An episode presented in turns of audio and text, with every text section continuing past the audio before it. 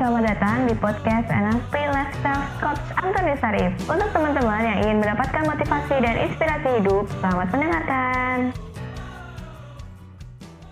Halo teman-teman, kembali lagi di YouTube channel Panduan Hidup dengan NLP dengan saya Karin dan kali ini kita akan membahas stres dan produktif. Nah, kayak gimana sih?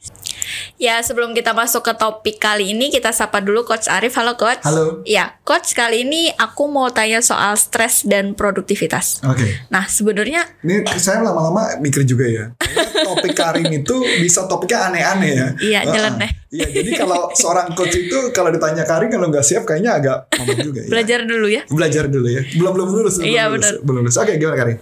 Sebenarnya stres tuh gimana sih Coach? Maksudnya penyebabnya tuh apa aja? Kita bisa bilang, ah kayaknya gue lagi stres deh gitu. Nah, kategori orang kan pasti beda-beda nih.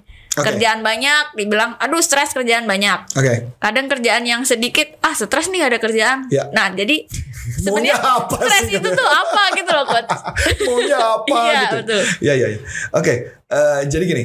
Ada satu konsep namanya Zeigarnik Effect. Hmm? Zeigarnik Effect. Jadi Z Zeigarnik. Zeigarnik Effect tuh mengatakan gini, ini penelitian menarik ya. Jadi eh, ada para pelayan restoran. Jadi pelayan restoran dilakukan tes. Jadi misalkan contoh, aku ngelainin Karin, aku jadi pelayan restoran. Karin pesan, eh pesan ini dong, milkshake, burger, eh, french fries, bla bla bla bla bla. Oke, aku hafalin nih. Aku hafalin. Modelnya bukan aku catat, tapi aku hafalin. Oke, french fries, eh, eh, coke, eh, burger, bla bla bla. Udah ya? Oke. Kemudian masuk ke dapur dong. Aku ta- ditanya. Tadi pesannya apa? Oh, french fries ini ini. ini. Aku sebut. Bisa dengan baik. Ya. Kemudian anggaplah ternyata setelah dia kasih tahu udah selesai, ditanya. Sudah selesai, dianterin semua makan. Udah dianterin, udah dianterin. Terus ditanya, tadi si Karin pesan apa? lupa Lupa. Orangnya lupa. kok bisa Nah ini menarik ya. Padahal tadi hafal kan. Sudah nganterin makan lupa. Nah kemudian dites lagi. Di satu meja makan itu ada lima orang. Dia bisa menghafal lima-limanya. Dan ini terjadi bukan hanya pada satu orang. Tapi di kebanyak pada pelayan di tes ya. Sama Karin. Dia bisa ngomong dengan hafal. Karin pesan ini, ini. Oh, enggak, dia nggak mungkin ngomong Karin ya. Dia bilang si ibu itu pesannya ini, ini, ini. Si kakak itu pesannya ini, ini. Semua disebutin. Sudah dianterin lupa. hmm. Zeigarnik Effect mengatakan, kenapa orang itu bisa lupa? Karena setelah informasinya sudah diselesaikan, tugas sudah diselesaikan, maka dilupa. Kenapa orang stres? Stres artinya adalah segala sesuatu yang belum diselesaikan depending, maka dia lupa. Eh, sorry, sesuatu yang belum diselesaikan, maka itu yang menyebabkan jadi beban dan jadi stres.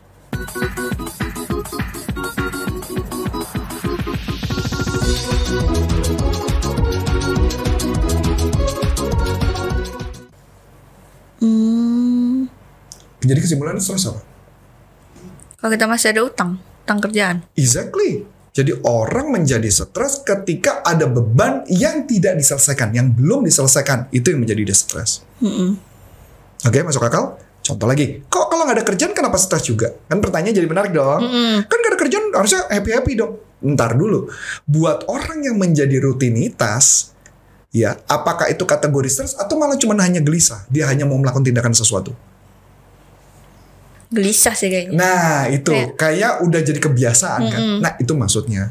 Jadi kalau stres, stres itu makin meninggi itu karena nggak ada cerita Karin. Orang nggak ada kerjaan itu, terus digaji, terus di stres nggak ada Karin. jangan malah seneng ya Dia malah senang. Tapi orang yang nggak ada kerja, kalau orang tersebut kerjaan banyak menumpuk numpuk numpuk numpuk, Hmm. itulah makanya muncul dia stres. Hmm. Makanya kenapa kalau contoh nih, Karen aku kasih kerjaan satu, belum selesai, aku kasih satu lagi, belum selesai, aku kasih satu lagi, belum selesai, aku kasih satu lagi, mulai stres. Hmm. Karena bertumpuk-tumpuk dan Karen mulai bingung, ini kok belum selesai semua. Hmm. Makanya cara yang paling baik yang saya lakukan adalah saya suka memilah-milah dulu mana yang paling penting dan yang tidak paling penting. Hmm. Yang kurang bukan tidak penting, tapi kurang penting. Makanya kayak tadi contoh, saya kan nanya sama Karin kan. Karin eh, bikin YouTube sama bikin PowerPoint yang itu mana yang duluan? Kata Karin, PowerPoint dulu aja Pak, karena itu udah deadline. Hmm. Maka itu yang saya kerjain dulu. Hmm. Nah pertanyaan, kenapa kita rekaman hari ini? karena yang Karena supaya saya nggak punya utang. Mulai masuk akal? Iya. Mulai masuk akal? Heeh. Berarti artinya ada beban nggak di saya? Udah. Ada. Heeh. Kalau belum rekaman. Iya. Tapi kalau udah rekaman, Udah nggak ada. udah nggak ada. Berarti stres itu adalah beban yang dikumpulin. Jadi kesimpulannya, orang yang hidupnya stres artinya orang apa? Banyak beban. Banyak beban yang tidak pernah diselesaikan satu satu persatu. Mm-mm. Itu yang membuat dia kenapa stres. Oke. Masuk akal? Masuk akal. Oke. Terus pertanyaan tentang produktivitasnya apa? Bisa nggak sih kita produktivitas tanpa stres? Ini pertanyaan menarik. Bisa nggak produktivitas tanpa stres? Kan kalau kasih kerjaan nih, Intinya gini ya, setiap orang mengerjakan sesuatu pasti ada kortisol atau chemical di otak kita yang naik sih. Adrenalin itu yang nge-push kita gitu loh untuk melakukan sesuatu. Eh, bahkan mungkin kalian juga tahu kan kayak contoh, kenapa sih ada orang yang suka bungee jumping? Kenapa sih ada orang yang suka arung jeram? Kenapa sih ada orang yang terjun parasut? Karena orang itu menikmati adrenalin yang lagi naik itu. Dia sengaja nyari gara-gara.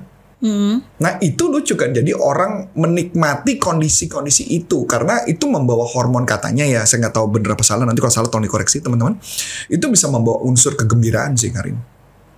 katanya melepas stres. Eh, Sebenarnya malah dibangkitkan stresnya, karena kan makanya kenapa ada orang tensi kalau hipertensi sama gangguan jantung kan nggak boleh naik kayak semacam kayak bungee jumping dan sebagainya nggak boleh. Hmm. Karena bebannya mungkin ya, saya nggak tahu. Ini kedokteran, kalau teman dari yang dokter mungkin bisa lebih jelasin. Bebannya buat jantung jadi berat. Nah, jadi pertanyaan menarik Karin, bagaimana dengan eh, seseorang melakukan sesuatu tanpa stres? Bisa produktivitas tanpa stres? Bisa. Yaitu apa? Ketika melakukan sesuatu, jangan diharapkan apa pun. Jangan mengharapkan apa pun, yang penting lakuin aja. Hmm. Makanya kenapa aku paling suka eh kayak contoh ya, ini, ini kebetulan nih ada yang nanya sih di, di Instagram saya. Jadi saya bacain aja ya. Jadi ini ini menarik sih Karin. Nah, untuk teman-teman yang sudah menerangkan, terima kasih ya dan nantikan podcast selanjutnya.